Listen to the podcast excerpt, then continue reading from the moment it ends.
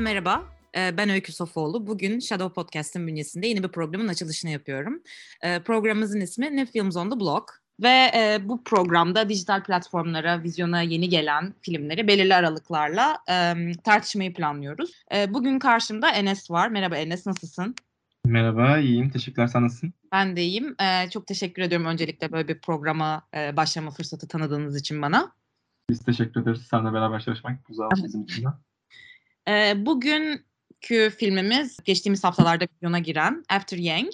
E, Kogan Adan'ın e, yönettiği ve geçtiğimiz yıl e, Cannes Film Festivali'nde Uncertain Röger seçkisinde yarışan bir A24, A24 filmi. Tür olarak aslında bilim kurgu e, olarak nitelendirebiliriz ve çok aşina olduğumuz ve giderek son zamanlarda sık sık e, ele alınan bir konuyu ele işliyor. Artificial Intelligence.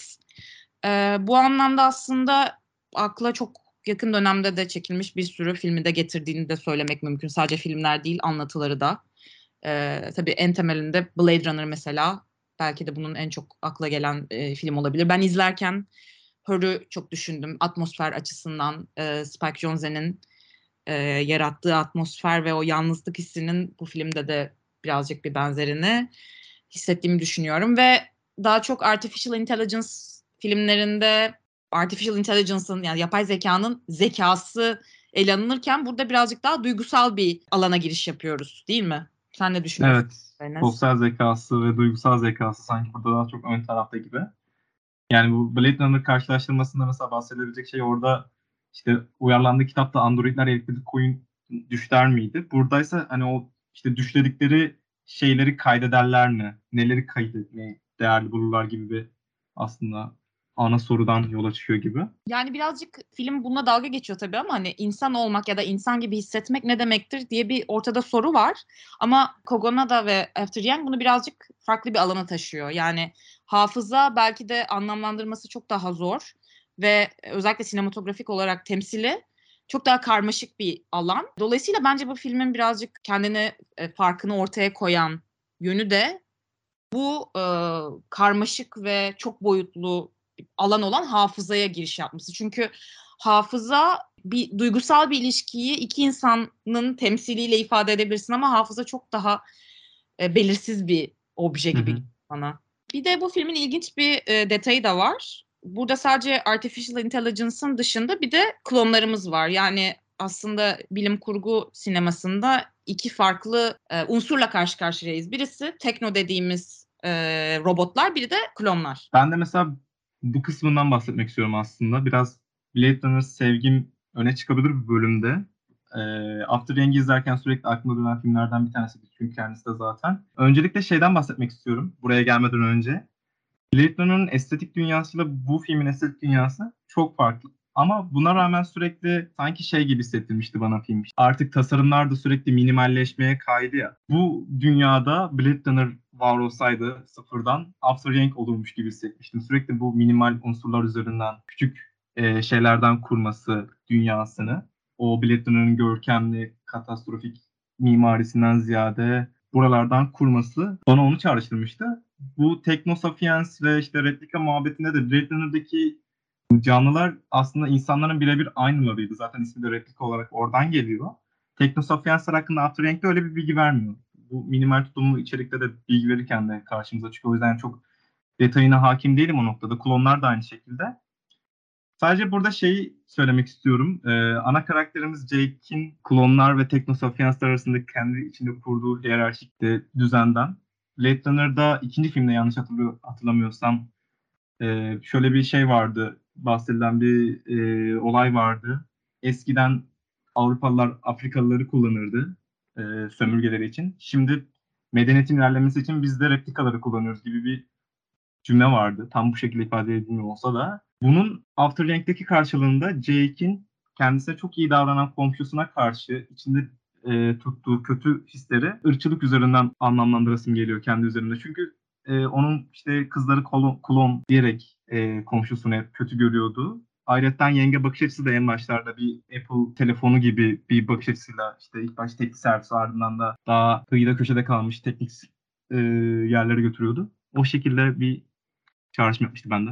Ben şey düşündüm daha çok. Bu iki farklı teknolojik yapının yani klonlar ve robotlar ya da teknosapiensler arasında hani çok detaylandırmıyor aslında ikisi arasında nasıl bir fark olduğunu. Mesela senin de söylediğin gibi şey bilmiyoruz. E, Yeng'in yüzü tasarımı aslında belli bir insanın e, yüzüne mi dayanıyor yoksa o, özgün bir birey olarak bir dış görünüşe mi sahip? Çünkü e, filmde sonradan da görde, göreceğimiz üzere klonlar aslında zaten yaşamış insanların e, görünüşlerinden yaratılıyor. Ama sanki Yeng'in ki bu birazcık daha e, kapalı tutulmuş gibi. Bunu bilmiyoruz. Ve bir yandan aslında bu şeyi de hissettiriyor olabilir mi diye soracağım sana. Jake bir noktada Yeng'e daha bir bireymiş gibi yaklaşıyor klonlarla kıyaslayınca sanki. Çünkü aslında Yeng'in esas kökenini bilmiyoruz ama Jake biliyor ki klonlar zaten yaşamış bir insandan üretilmiş, devşirilmiş teknolojik yaratıklar. Ama e, bu anlamda yenge far- bakışının farklı olduğunu düşündüm ben birazcık. Ya bence de yenge daha zaten aksi halde komşusunu klon almakla suçluyor. Kendisi öyle bir teknosofiyensi şey yapmazdı. Evlatlık edilmez diyeceğim ama tam olmaz sanırım. Satın almazdı. Daha üste koyduğu bir gerçek. Ama onun da işte aslında yine bir e, çıkarcı bir bakış açısıyla işte kendi çocuklarına vakit ayıramayacakları için ve onun işte kültürle bağ kurması için aslında belki normal şartlarda yine de almayacağı bir ürünü e, kendi işine yarayabileceği için oluyor. Ki nitekim zaten bozulduğunda da aslında çok da umurtmadığını e, anılarıyla karşılaşma karşılaştığı sahneye kadar çok hissetmedim ben. Hı hı. Yani o yüzden Jake'in ben yenge karşı bakış açısını birey olarak nitelendirdiğini düşünmedim en başlarda. Hı. Bir de bu filmin ilginç detaylarından biri filmdeki karakterlerden birisi bunu söylüyor. Yani neden hep herkesin insan olmak isteyeceğini düşünürsünüz ki ifadesi bence çok manidar. Çünkü Hı-hı. Bu filmde Yang'i Teknosapiens olarak tanısak da diğer insan olarak tanıtılan karakterlerin tepkilerinin özellikle duygusal anlamda çok mesafeli ve yapay olduğunu hissettim. Ve bunun bir, bilinçli bir tercih olduğunu düşünüyorum. Yani izlerken Yang'in bakışıyla, anılarıyla e, daha rahatça temas ede, ederken Jake'in, Kyra'nın ve hatta Mia'nın bile böyle duygularının ve tepkilerinin bana çok uzak olduğunu düşündüm. Sanki yani eğer buna insanlık diyeceksek evet Yeng'in bakışında daha çok insanlık gördüğümü söyleyebilirim. Yani bunun Kogan adına bilinçli bir tercih olduğunu düşünüyorum. Özellikle telefon görüşmeleri ya da işte görüntülü görüşme yaptıkları sahneler var ya bunun orada mesela çok dikkatli bir şekilde hani ortaya konduğunu görebiliyoruz bence. O telefon görüşmelerini ben de izlerken böyle bir mest olmuştum. Bu bilmiyorum telefonun hayatımıza girdikten sonra sinemadaki temsilinin hala düzgün şekilde olmayışından her ay illa bir kez böyle bunun üzerine bir tartışmada duyuyorum. İşte bu klasik mesajlaşma muhabbeti. SMS'i nasıl temsil edeceğiz sinemada? Hala düzgün bir cevabı yok gibi ama görüntülü konuşmada bunu Kogana'dan çok basit bir şekilde yap, yapmış olması benim hoşuma gitmişti. Yani sadece biraz işte e, oranı değiştirip biraz da ekranı blurlaştırarak zaten hani her, hepimizin hayatında olan bir şey olduğu için çok kolay aşina olabileceğimiz bir şey çevirmesi. Ayrıca de bunu ikisinin asla bir arada görmeyerek aslında birbirleriyle her ne kadar aynı evde yaşasalar da çok farklı duygu dünyalarında olduklarını da göstermeler açısından hoşuma gitmişti. Evet, e, ne kadar basit olsa da ben izlerken birazcık o sistemi tam olarak anlayamadığımız için nasıl bir görüntülü konuşuyorlar, nasıl bir sistem var orada. Yani bir yandan çok direkt bir karşılıklı konuşma varmış gibi geliyor ama bir yandan da farklı ortamlarda oldukları için e, konuşan kişilere ve konuşan kişilerin de birbirlerine yabancılaştığını yabancılaştığını hissettiren bir mizansen olduğunu düşünüyorum ve bunun aslında Kogonada'nın da çok sevdiği ve sık sık e, filmlerinde göz kırpmaktan hani geri durmadığı e, Ozu'yla bir bağlantısı olduğunu düşünüyorum. Bu açık karşı açık kullanımının özellikle e, Ozu filmlerinde e, mekan inşasını biraz alt üst eden bir şekilde kullanıyor. Yani karakterler sanki e, birbirlerine değil de havaya bakıyormuş gibi konuşuyor ve sürekli açılar değiştiği için kimin kimin karşısında oturduğunu tam olarak kestiremediğimiz bir böyle yapay bir mekan inşası ortaya koyuyor filmlerinde ve bunun da bu telefon konuşmalarında ya da işte görüntülü konuşmalarda birazcık e, yansımasını olduğunu düşünüyorum. Bir noktada sanki o e, benzer bir mekan inşası kullandı ama tabii ki de bunun Ozu'nun filmlerindeki kullanımıyla ya da amacıyla Kogonada'nın kullanımı bence biraz farklı. Ya yani onu da belirtmek gerek. Bu mekan bozumu dedin ya o zaman filmlerindeki. Benim de işte o hafıza mekan ikisini beraber düşünmeye zaten çok meyilliyiz. Önceki e, önceki demeyeyim. Fark, farklı programlarda da bahsetmiştim podcast'ta bundan ama Yeng'in anılarını deneyimlediğimiz arayüz var ya işte gözlüğü taktığında orasının bir uzay ve ormanı aynı anda böyle anımsatan bir yapısı vardı benim için. Böyle biraz daha karman çormandı. Yani filmin bütün aslında başından sonuna kadar minimal estetiğini düşündüğümüzde onun da basit böyle bir Mac ekranı gibi tasarlanabilecekken böyle tasarlanmış olması hem e, anıların böyle mekanla kurduğu ilişkiyi sen, sen yapı bozumculuk taraftan o örneğini verdin ama benimki e, daha birbirlerini destekleyici bir şekilde düşünmüştüm orada. Yani o sahne özelinde. Hem o hem de onun karman çormanlığını göstermesi çok hoşuma gitmişti film esnasında. Biraz böyle üç boyutlu ve benim de aklıma şey geldi daha çok nöronlar ve hani internet dünyasında hyperlink dediğimiz bir şey var ya bir yerden bir yere atlıyorsun. Yani senin bir link başka bir yere götürüyor. Yani aslında o birbirleriyle bağlantılı düşünceler ve deneyimleri tasvir etmek çok zor ve bu üç bo- yani tam üç boyutlu olarak görmüyoruz tabii bunu hani teknik anlamda üç boyutlu değil ama bu bir anlamda o zaman ve mekanın çok boyutluluğunu yansıtan bir tasvir olduğunu düşünüyorum ve bence de hani çok üzerine o kadar çalışılmış ya da hani teknolojik anlamda harika bir görsellik değil. Çok basit bir şey ama bir yandan Hı-hı. o e, şeyde çok güzel veriyor gerçekten karmaşıklığı ve bir yandan da hani hyperlink dedim ya bu bizim e, Yeng'in eski anılarına gittiğimizde birazcık bu aslında. Hani ona gönderme yapmak istemiştim. Çünkü o... Alfa ve betaları çıkardık mı diyorsun? Evet aynen. Bunun dışında bir, yine mekanla alakalı bir şeyden daha bahsetmek istiyorum. Ee, şimdi filmin ana konusu hafıza ve hafızayla alakalı şöyle bir şey var, e, muhabbet var. Nerede duydum hatırlamıyorum da. Her anı bahsedildiğinde ikinci kez yazılır diye.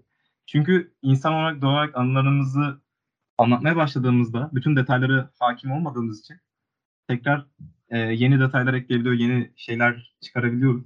O yüzden aslında hepsinde o hikaye yeniden yazılıyor gibi ama Yank'te bir tekno safiyansı olduğu için aslında öyle bir durum yok. Direkt anılarını bir video gibi e, yüz yıl sonra da açsak aynı şekilde bulabiliriz. Bu da filmde belli sahnelerde özellikle işte anılar deneyimlenirken aynı repliklerin ikişer üçer kere söylendiği, sadece farklı açılardan görüldüğü kısımlarla böyle desteklenmişti. Ama Yeng'in anılarına ek olarak Kayra ve Jake bu gözlüğü kullanırken hep bir şey motivasyonu içerisindeydiler. Ee, Yeng'in anısında bir tablo varsa o tablonun yanına gidip onu eline alma. Veya işte Jake çaylarla alakalı olan sahnede oraya gitmek e, istiyordu. Çünkü ilişki kurduğu objeler onun anısını destekliyordu ve o şekilde tekrardan kafasında canlandırabiliyordu. Ben mesela bu e, tekrar eden bakışları çok farklı bir şekilde düşünmüştüm. Ben şey diye şu şekilde yorumladım aslında. O tekrar eden kısa anlarda acaba Jake'in ya da Kyra'nın o an ona bakarken ki kendi bakışının bir süper pozisyonu gibi miydi diye düşündüm. Yani iki farklı anının üst üste binmesi gibi mi gibi diye düşündüm aslında bir yandan da. Tabii orada bakış açısı olarak işte Jake gözlüğü takıyor ve biz e, Yeng'in perspektifine geçiş yapıyoruz ama bir yandan o tekrar sanki eş zamanlı olarak oraya o görüntüleri izleyen kişi acaba bunun hatırlamasının bir iz, e, izi mi kalıyor orada diye düşündüm. O sahnelerin birazcık daha böyle sadece Yeng'in bakış açısı değil de hibrit bir şekilde Jake ve Yeng'in bakışlarının karşılaşması gibi yorumlamıştım ben. Bu cümlelerin, kelimelerin yerleri ve kendileri bile tıpatıp aynı kaldığı için ben böyle düşünmüştüm. Birebir aynı olmasından dolayı. Ama senin dediğin gibi bir versiyon olabilir. Hatta filmden ilk çıktığında ben çok kafamda böyle komple teorisyonu gibi başka bir şey kurmuştum. Bütün izlediğimiz filmin de aslında e, bir teknonun anılarında dolaştığımız oh. bir evren olduğunu düşünmüştüm. O yüzden yani ben susayım burada. Ama bu şey konusunda katılıyorum. Yani nesnelerle kurulan ilişki aslında e, yenge olan bakışlarını da bize ifade ediyor. Çünkü sanki bu dünyada yaşayan insanlar diğer insanlarla da sadece aidiyet duygusunu ortaya çıkaran nesnelerle e, bir bağ kurabilirmiş gibi. Çünkü Yang de aslında onlar için bir nesne konumunda en başında. Yani bunu tabii metalaştırma olarak da düşünebiliriz ama ister istemez e, Mia'nın ona olan bakışında bile en başta sanki oyuncağını kaybetmiş bir çocuk tepkisi verdiğini görüyoruz. Yani ne kadar duyguları, kurdukları bağlar samimi olsa da bu pragmatik faydacı e, bakıştan bence kaçamıyorlar. Çünkü artık kendi insanlar insanlar arası türüyle yani kendi türler arasıyla kurdukları ilişkiler de buna indirgenmiş durumda. Ya bir de şey gibi Mia için bu e, Yang sanki hem oyuncak aynı zamanda hem de bir özel öğretmen gibi. Çünkü zaten Kayra ile falan da konuştuğu sahnelerde alakalı alakasız yerlerde bir anda Wikipedia sayfası gibi böyle bilgi atmaya başlayabiliyor. Zaten Mia'nın da kendi kültürüyle bağ kurabilmesinin tek yolunun bu olduğu görüldüğü için e, Yank satın alınıyor. Ve Yank de buna programlandığı için ister istemez o bütün duyguları ve bütün işte e, yakaladığı sinema sinematik güzel anların arasına e, programı gereği sürekli bir Çin kültürüne dair bilgiler sıkıştırmaya meyilli. O yüzden yani aslında Yank çok farklı formatlarda da bir ürün haline dönüşüyor. Bir oyuncak, bir internet sayfası gibi gibi. Bu arada benim e, filmle, daha doğrusu filmin ilerleyişine getirebileceğim bir eleştiri var burada. Yani beni en çok sanırım e, huzursuz eden ya da böyle içime sinmeyen diyeyim hikayedeki Mia'nın e, Yeng'le kurduğu ilişkiydi. Çünkü filmin en başında aslında tamamen bunun üzerine şekillenen bir hikaye varmış gibi lanse ediliyor. Daha sonra Jake ve Kyra aslında Yeng'in anılarını keşfetmeye başladıkça onunla bir duygusal bağ oluşuyor aralarında ve biz bir anda Mia'yı unutuyoruz. Yani film Mia'yı unutuyor daha doğrusu. Ya da Mia'nın e, Yang'le duygusal anlamda yaşadığı deneyimler çok az ve geri planda kalmaya başlıyor. Jake ve Kyra'nın e, anılarıyla kıyaslayınca. Ve mesela bunun bir iki tane an hatırlıyorum. Birisi e, Yeng'in sürekli şarkı, söylediği şarkıyı hatırlaması Mia'nın. Mesela bu çok bence güzel bir detaydı. Ya da birlikte su almaya gittikleri o an. Ama bunun dışında Mia ve Yeng'in paylaştığı şeyler giderek azalıyor ve bir anda hani filmin sonlarına doğru mesela Mia neden e, Yeng'in anılarına bakmıyor? Yani ben en azından bu bağın daha çok ele alınabileceğini, daha geliştirilebileceğini düşünür düşünüyordum ama bu tamamen Jake ve Kyra'ya kaydı. Eda karakteri aslında Yeng'in hayatında çok önemli bir yere sahip. Ama hani Mia Eda ile hiçbir neredeyse etkileşimi olmuyor.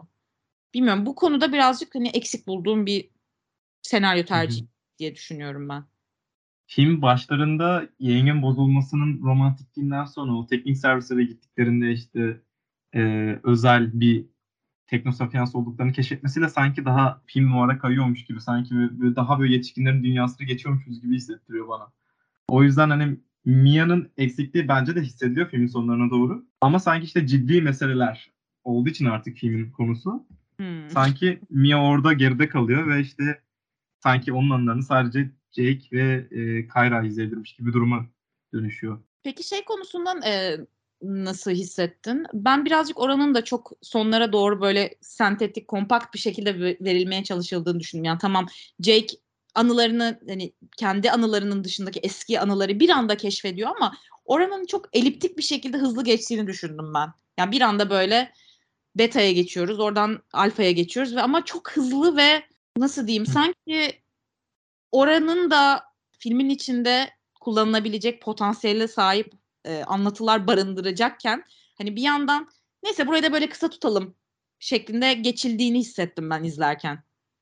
Buranın belki zaten hikayenin geneline tek katkısı Eda'nın nereden geldiğini öğrenmiş olmamız. Eda'ya olan sevgisinin nereden geldiğini yengin keşfetmiş olmamız.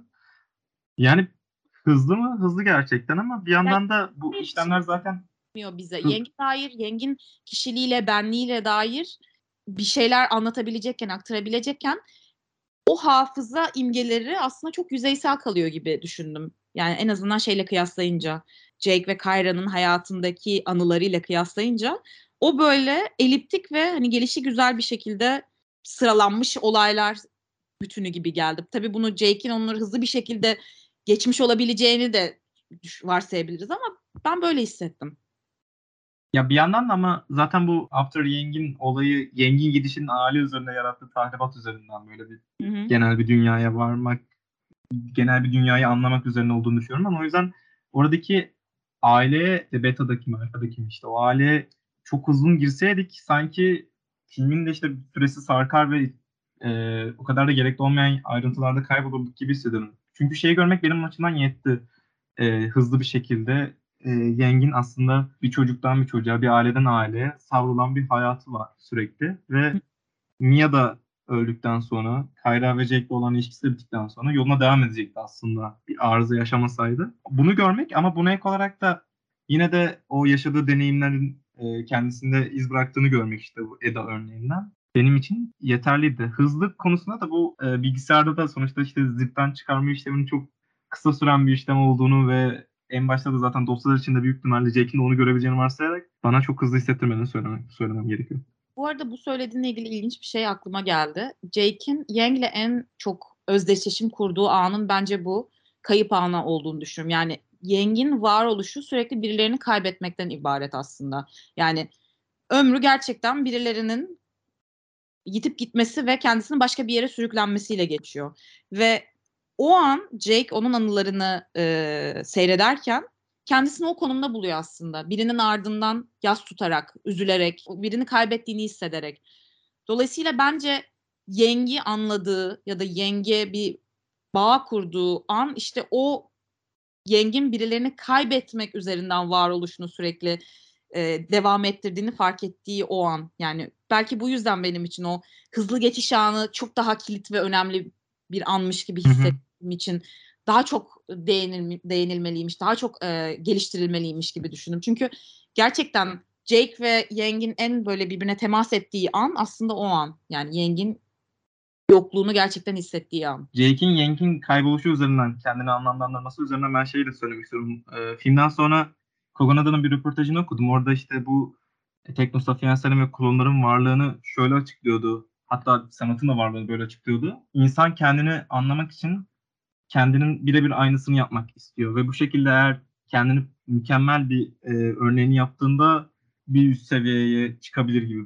Tam o e, burasını o söylemiyor. Burasını ben ekliyorum biraz üst seviyeye çıkma meselesini ama kendimizi anlamlandırmak için e, bu teknoların varlığından bahsediyordu. Burada da Yang varlığı üzerinden değil de sanki işte kayboluşu üzerinden ailenin e, kendine dönmesi, işte bir yas etrafında birleşmesi ve kaybedilen varlığında değerinin görülmemesi klişesi var. Buradan da belki Columbus'a bağlanabilir işte bu röportajdaki örnek üzerinden de. Orada da izlerken filmi ana karakterin mimari eserlerin önüne gidip kendi duygularını dışa attığı, hayatındaki işte kritik kararları verdiği veya hayatına yeni giren işte o e, karakterin ismini hatırlamıyorum. Bu mimarın oğlu. E, onunla özel bir an yaşayacağı zaman yine işte bu mimari eserlerin önüne gitmesi üzerinden orada mimari yapılarımız insan ürünü olan yapılar üzerinden kendini anlamlandırırken burada da insan ürünü olan insan benzeri üzerinden anlamlandır anlamlandırıyordu sanki. Evet. Ve şey mesela şey konusunda ne düşünüyorsun? Ee, anlamlandırma aslında bir de geriye iz bırakmayla alakalı da bir şey ya. Yani sen sonuçta bir şey yaratarak bir yandan da kendi yaşamından da iz bırakmaya çalışıyorsun değil mi? Burada Yeng'in anıları aslında geriye kalan izleri, hatıralar ama bir yandan e, şunu sorguluyorum. E, Yeng'in anıları dışında geriye bıraktığı şey ne? Çünkü insan dediğimiz varlığın aslında hani hep bir eser bırakmakla e, ilişkilendirilir ya. Yeng'in anı dışında ne kalıyor geriye? Mesela bunu sor birazcık sorguladım. Acaba bıraktığı şey diğer insanlar üzerindeki izleri mi, anıları mı? Bence anılarının kalması yeterli bir şey. Çünkü anıların kalması sadece anılarının kalması gibi değil aslında. Kendisinin yeni bir e, biçimde var olması gibi. Bu Blade Runner'ın da son sahnesinde son replika işte Deckard'ın ölmesine izin vermediği sahneyi ben kafamda öyle açıklıyorum. Aslında bıraksa orada Deckard yere düşecek, ölecek ama onu tutuyor. Çünkü işte bütün o e, yağmurda gözyaşları gibi kaybolabilecek anıların e, Deckard'da kalmasını istiyor ve bu şekilde kendisi ölecek bunun farkında ama anlattığı şeyler ve yaşamından şeyler Deckard'la beraber yaşamaya devam edeceği için aslında kendisi de bir şekilde var olmaya devam edecek. O yüzden Yang zaten bir yerinde filmin sonunda hiçbir şey yoksa bu benim için tamam bu benim için sorun değil diyordu. Ama ona rağmen aslında Yang'in hafızasının kalması bile kendisi için yeni bir varoluş biçimi bana göre. Ve insanlar Sen, o kadar takıntılı ki aslında yani en çok bunun müze müdürünün şeyinde görüyoruz. Hani onu müzeye koyalım, anıları sergilensin. Yani bir anda böyle artık takıntı olmuş gibi bir şekilde bir şeyleri koruma ve muhafaza etme e, güdüsü var insanlarda. Yani bir, bir yandan da Yeng'in sadece anılarının kalması ve geri hiçbir şey bırakmaması başka. Bu da bir kontrast oluşturduğunu düşünüyorum aslında. İnsanın bu çılgınca her şeyi koruma ve e, biriktirme isteği karşısında Yeng'in bu mütevazı anılarının bir noktada bir zıtlık ortaya koyduğunu hissettim. Sen ne düşünüyorsun bilmiyorum ama. Ya bu müze meselesine ben filmden önce hiç e, bu şekilde bakmamıştım. Bu kadar sorunlu bir yer olabileceğini müzelerin. Bu, orada birisi ölüyor ve dediği şey aslında tamamen onun hafızalar üzerinden e, burada evet. yaratabileceği şey yani tamamen direkt metalaştırmak ve ama işte arşiv böyle bir şey yani arşivlemek yani bir şeyi saklamak hem şiddet uygulamak ona hem de onu korumak yani çok ikircikli bir noktada e, konumlanıyor. Yani burada belki film bun, buna çok fazla değinmiyor ama bence hisset, hissedilen bir şey. Yani bir şeyi kendine saklamak ve bunu herkesle paylaşmak. Burada da bir bence ikilem olduğunu düşünüyorum bu anlamda da. Ee, son olarak ben bir de yakın zamanda okuduğum ve After Yang'in aslında atmosferiyle ve anlatı anlatısıyla bağdaştırdığım bir kitaptan bahsetmek istiyorum. Bu da bir önerim olsun hani eğer After Yang'i sevdiyseniz. E, Kazuo Ishiguro'nun e, Clara and the Sun, Clara ve Güneş diye Türkçe'ye çevrildi. Romanı da aslında bir e, yapay zekanın e, birinci tekil şahıs anlatısıyla e, benzer bir, bir şekilde çocuk bir çocukla kurduğu etkileşimini ve o bağlılık ilişkisini anlatıyor. Bir anlamda aslında After Yang'den o birinci tekil şahıs anlatısı olduğu için ayrılıyor. Ama ele aldığı temalar ve sorgulamaları aslında benzer. Dolayısıyla bence bu kitaba da bir göz atabilirsiniz diye de böyle bir not düşeyim buraya. Bu arada After Yang'i de zaten konuşma sebebimiz vizyonda olmasıydı.